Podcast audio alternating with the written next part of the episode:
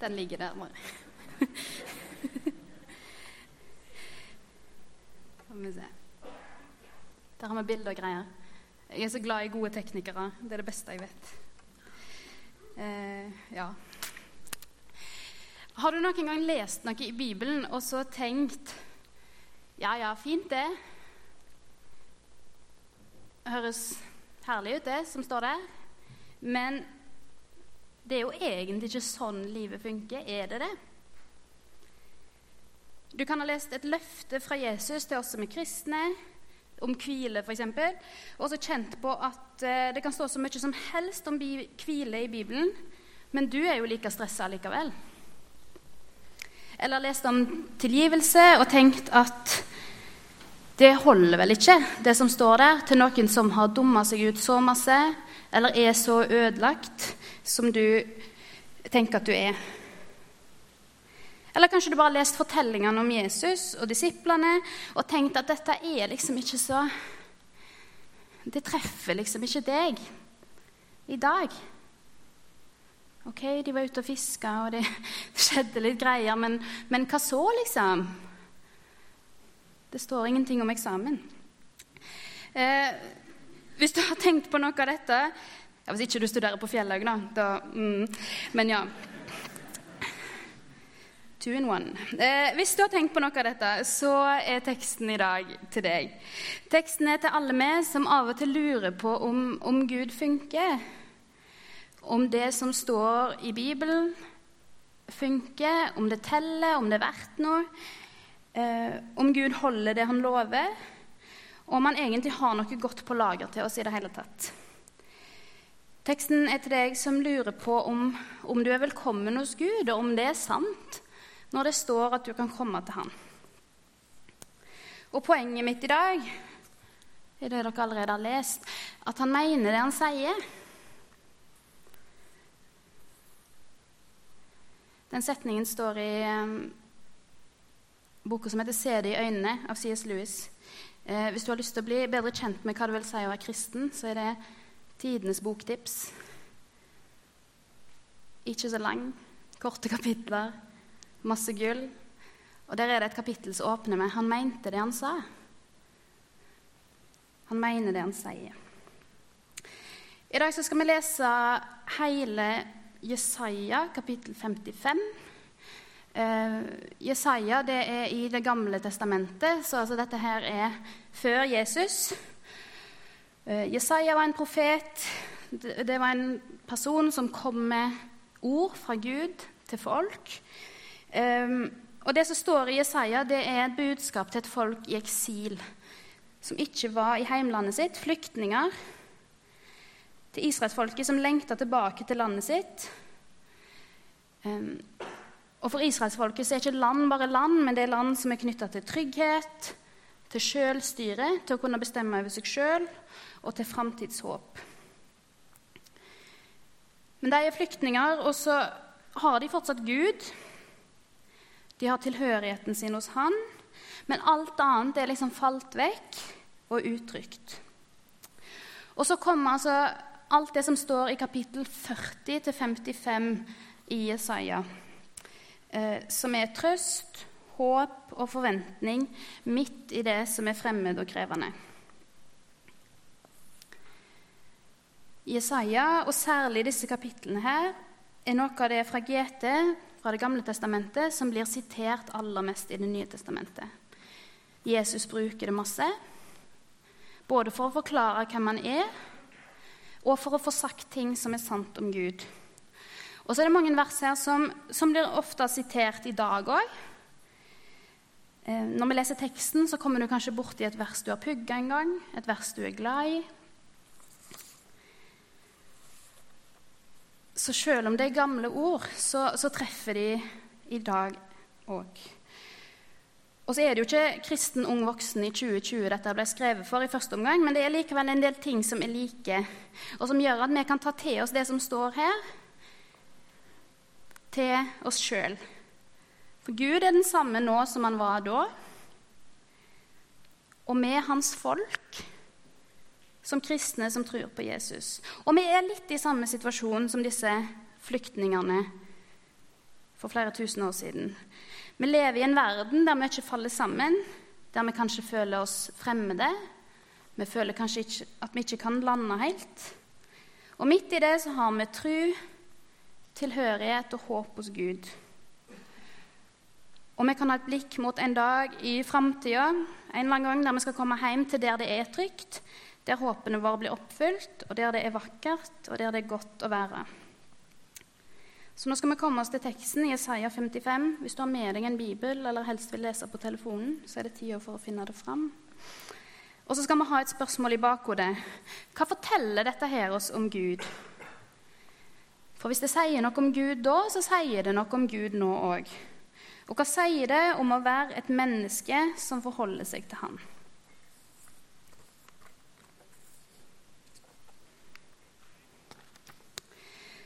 Kom, alle tørste, kom til vannet. Dere uten penger, kom og kjøp korn og spis. Kom, kjøp korn uten penger, vin og melk uten betaling. Hvorfor bruke penger på det som ikke er brød, og arbeid på det som ikke metter? Hør nå på meg, så skal dere få spise det som godt er, og fryde dere over fete retter. Vend øret hit og kom til meg. Hør, så skal dere leve. Jeg vil slutte en evig pakt med dere. Min godhet mot David står fast. Se, til vitne for folkene satte jeg ham, til fyrste og hersker over folkene. Se, et folkeslag du ikke kjenner, skal du kalle på. Et folkeslag som ikke kjenner deg, skal løpe mot deg for Herren din Guds skyld, Israels hellige, som gjør deg herlig. Søk Herren mens han er å finne. Kall på ham når han er nær. Den urettferdige skal vende seg bort fra sin vei, ugjerningsmannen fra sine tanker, og vende om til Herren, som vil vise barmhjertighet, til vår Gud, for han er rik på tilgivelse. For mine tanker er ikke deres tanker, og deres veier er ikke mine veier, sier Herren. Som himmelen er høyt over jorden, slik er mine veier høyt over deres veier, og mine tanker høyt over deres tanker. For lik regn og snø som faller fra himmelen, og ikke vender tilbake dit før de har vannet jorden, gjort den fruktbar og fått den til å spire, gitt såkorn til den som skal så, og brød til den som skal spise. Slik er mitt ord som går ut av min munn. Det vender ikke tomt tilbake til meg men gjør det jeg vil, og fullfører det jeg sender det til. For med glede skal dere dra ut, i fred skal dere føres fram. Fjell og hauger bryter ut i jubel foran dere, alle trær på marken klapper i hendene. I stedet for tornekratt skal det vokse sypresser, i stedet for nesler skal det vokse myrt. Slik skal Herren få et navn, et evig tegn som aldri slettes ut. Det er mange vers. Les det gjerne igjen i kveld eller utover i vekka. Men vi kan se litt altså Det begynner med for å oppsummere litt, det begynner med en invitasjon her framme. Kom. Folkens, kom. Og så kommer det i vers to et spørsmål om hva vi egentlig stoler på. Hvorfor går dere til alt dette her som ikke funker? Det er meg dere må gå til. Kom til meg, sier Gud. Og så utvider han liksom tidsperspektivet litt. Det handler ikke bare om akkurat i dag, akkurat nå, i vers 3. Men Gud begynner å snakke om en evig pakt. Han ser tilbake til David, kong David, David og Goliat David, eh, som var en viktig del av israelsfolket sin historie. Og Så snakker han til deg der, og så snakker han om en evighet. Så han sier at dette jeg snakker om nå, dette gjelder hele veien. Det gjelder i dag, men det gjelder òg i mange, mange år. Eh, så kom det et løfte og en forventning om folkeslagen ikke kjenner, som skal springe mot deg. Og så kommer det et kall til omvendelse. Søk Herren mens han er å finne. Kall på Han. Kom til Gud.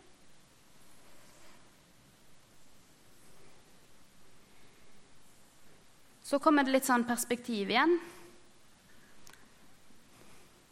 Om at Gud vet bedre enn oss.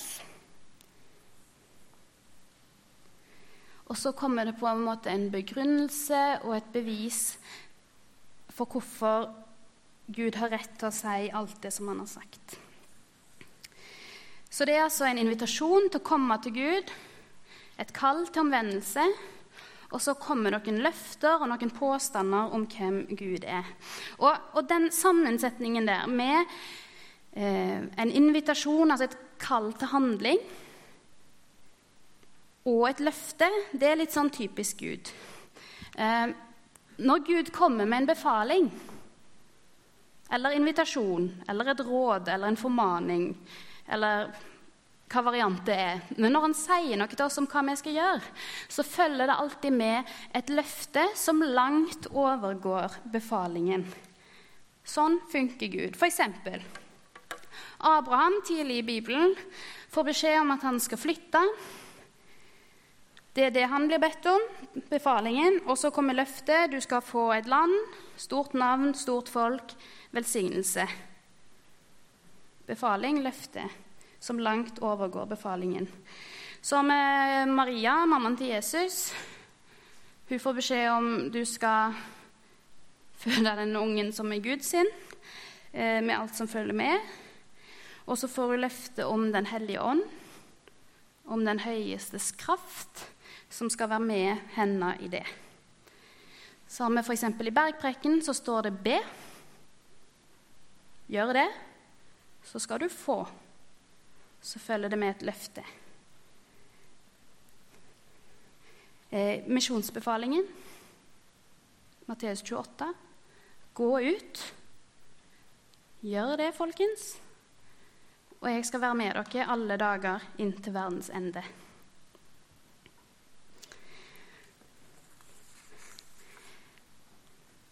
Det er sånn Gud funker. Han leverer alltid en deal som, som vi tjener på, og som er ganske lite gunstig for han. Men det er sånn han gjør det når han ber oss om ting. Og så har jeg tenkt en del på dette og syns det er fint, for jeg tenker det handler om trygghet sant, og omsorg. F.eks. i misjonsbefalingen, når Gud sier at jeg skal gå ut, så kan jeg synes at det er overveldende. Men så vet jeg at ok, men han gir meg enda mer enn det jeg trenger. Han møter meg på så mange måter i det å gå ut Ok, Det gir meg en trygghet, det gir meg en hjelp i det som kan virke overveldende og vanskelig.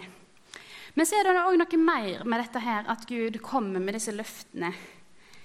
Og det at det blir et slags sånn gudsbevis, er litt sånn trassig i hermetegn stemme fra Gud som sier Ja, men bare se hva jeg kan. For når dette skjer, som jeg lover, da kan du gjøre dette som jeg ber deg om. Når du erfarer at du får, så kan du jo be. Når du merker at jeg er med deg, så skjønner du at jeg er verdt å gå ut for. Så det blir en måte for Gud å vise hvem han er, og hva han kan. Og Jesus bruker på en måte den teknikken da, ofte. Eh, F.eks. i Markus 2 så står det om den lamme mannen som blir båret, eller han blir egentlig heist ned foran Jesus. Klassisk søndagsskoleskuespill. Um, så kommer en lammann til Jesus, og så sier Jesus 'syndene dine er tilgitt'. Uh, og så syns folk det var en rar ting å si, og så tar Jesus og helbreder han som var lam. Og så bruker han den helbredelsen til å bevise at han kunne tilgi synd. Så han sier, 'Ja, men se på dette som jeg gjør.' Ordene mine får følger. Når jeg sier 'reis deg og gå', så gjør han det. Så når jeg sier 'syndene dine er tilgitt', så er det òg verdt noe. Vi ser også Når døperen Johannes sitter i fengsel, så spør han Jesus om det stemmer at han er den han påstår han er. Og Da går ikke Jesus inn i et sånn selvforsvar og sier liksom, ja, jeg skjønner at du er litt usikker på det. Liksom, men han sier dette skjer. Døve hører, lamme går. Um, se på det som skjer rundt meg. Da ser du hvem jeg er, og da ser du hva jeg kan. Og Når Jesus snakker sånn, så er det effektfullt for de som hører på, både fordi det har vært profetier om disse tingene. Så de har en forventning om at en utsending fra Gud skal, skal kunne gjøre sånne ting. Så det trykker på noen sånne knapper eh, i de som hører på sin, sin bevissthet. Men så er det òg effektfullt, for de sier noe om at han er en som gjennomfører, en som holder det han lover, en som er mektig. Og så er det på en måte dette som er poenget i, i hele det kapitlet som vi har lest i dag. At Guds ord Ja, det var den forrige. Guds ord, det funker. Når Gud sier noe, når Jesus sier noe, så får det konsekvenser. Det er ikke ord bare ut i ingenting. Han kan følge opp. For han begynner jo ja, kapittelet som jeg leste, med en invitasjon, et løfte. Kom, kom dere som ikke har penger, kom dere som trenger alt, og som ikke har noe å gi. Kom til meg, sier han. Jeg er den dere trenger. Drit i det andre, kom til meg. Men så må han liksom gå litt bak og forsvare hele greia. Jeg vet ikke, Kanskje folk tvilte? Kanskje de var usikre på om han kunne innfri? Kanskje de var litt sånne som som meg som åpner Bibelen og er litt sånn Ja, kanskje, kanskje ikke. Um, og så kommer det et forsvar av Guds ord og bevis på at det funker. Og Det står aller mest tydelig i det vi leste i vers 11, Jesaja 55. Så står det om at Guds ord aldri vender tomt tilbake til han, men gjør det han vil, og fullfører det han sender det til.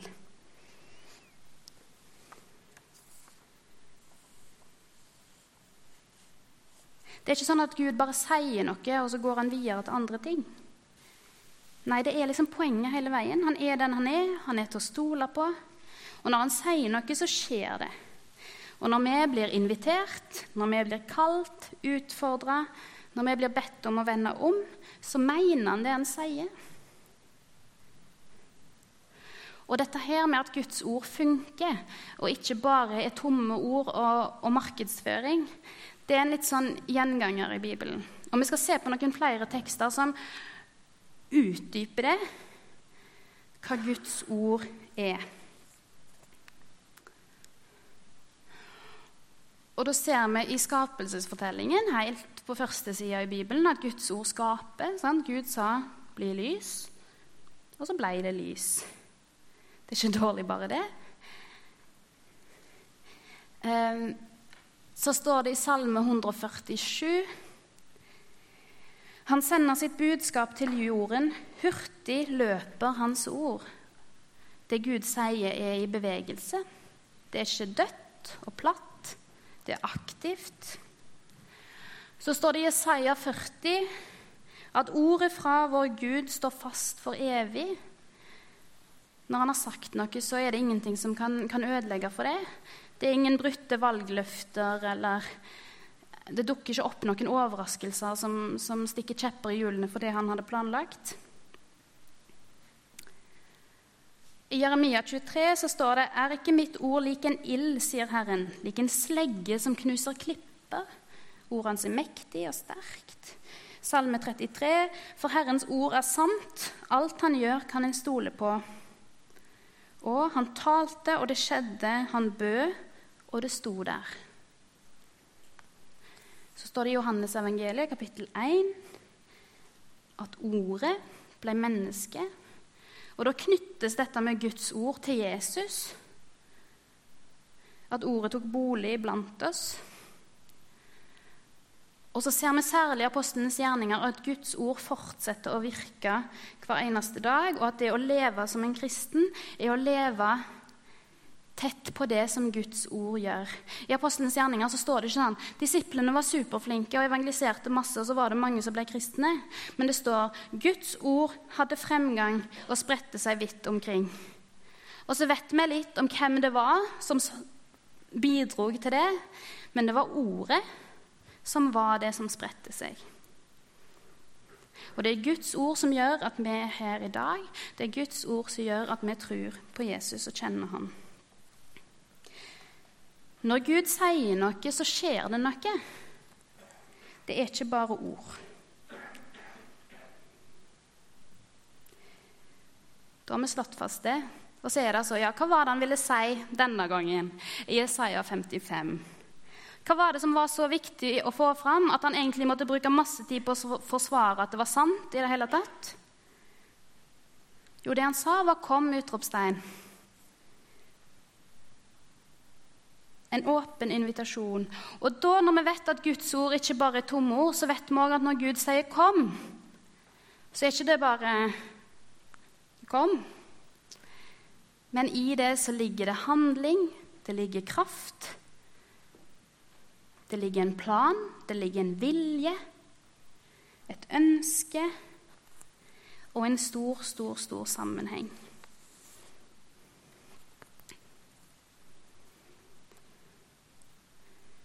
Han sier 'kom', og så sier han 'hør på meg'. Kom til meg, så skal dere få det som er godt, det dere trenger. Jeg vil dere vel. Jeg har gode ting å gi. Ikke leit overalt. Ikke forvent at penger, mennesker, helse, erfaringer eller lykke skal gi deg det du trenger.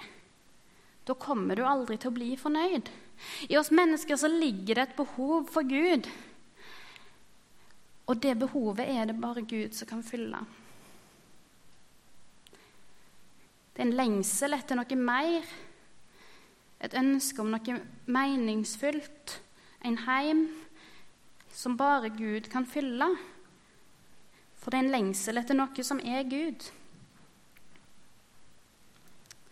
Og så sier Gud òg at han ønsker å tilgi oss. Og jeg syns det stikker litt når han skriver om det.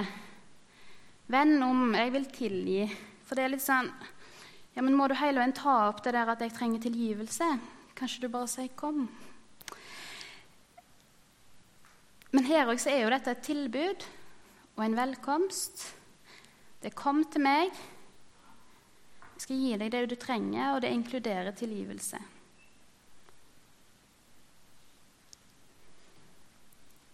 Vi får ikke noe som dette noen annen plass. Total velkomst, total hvile, helt ubetinget. Det fins ingen annen plass.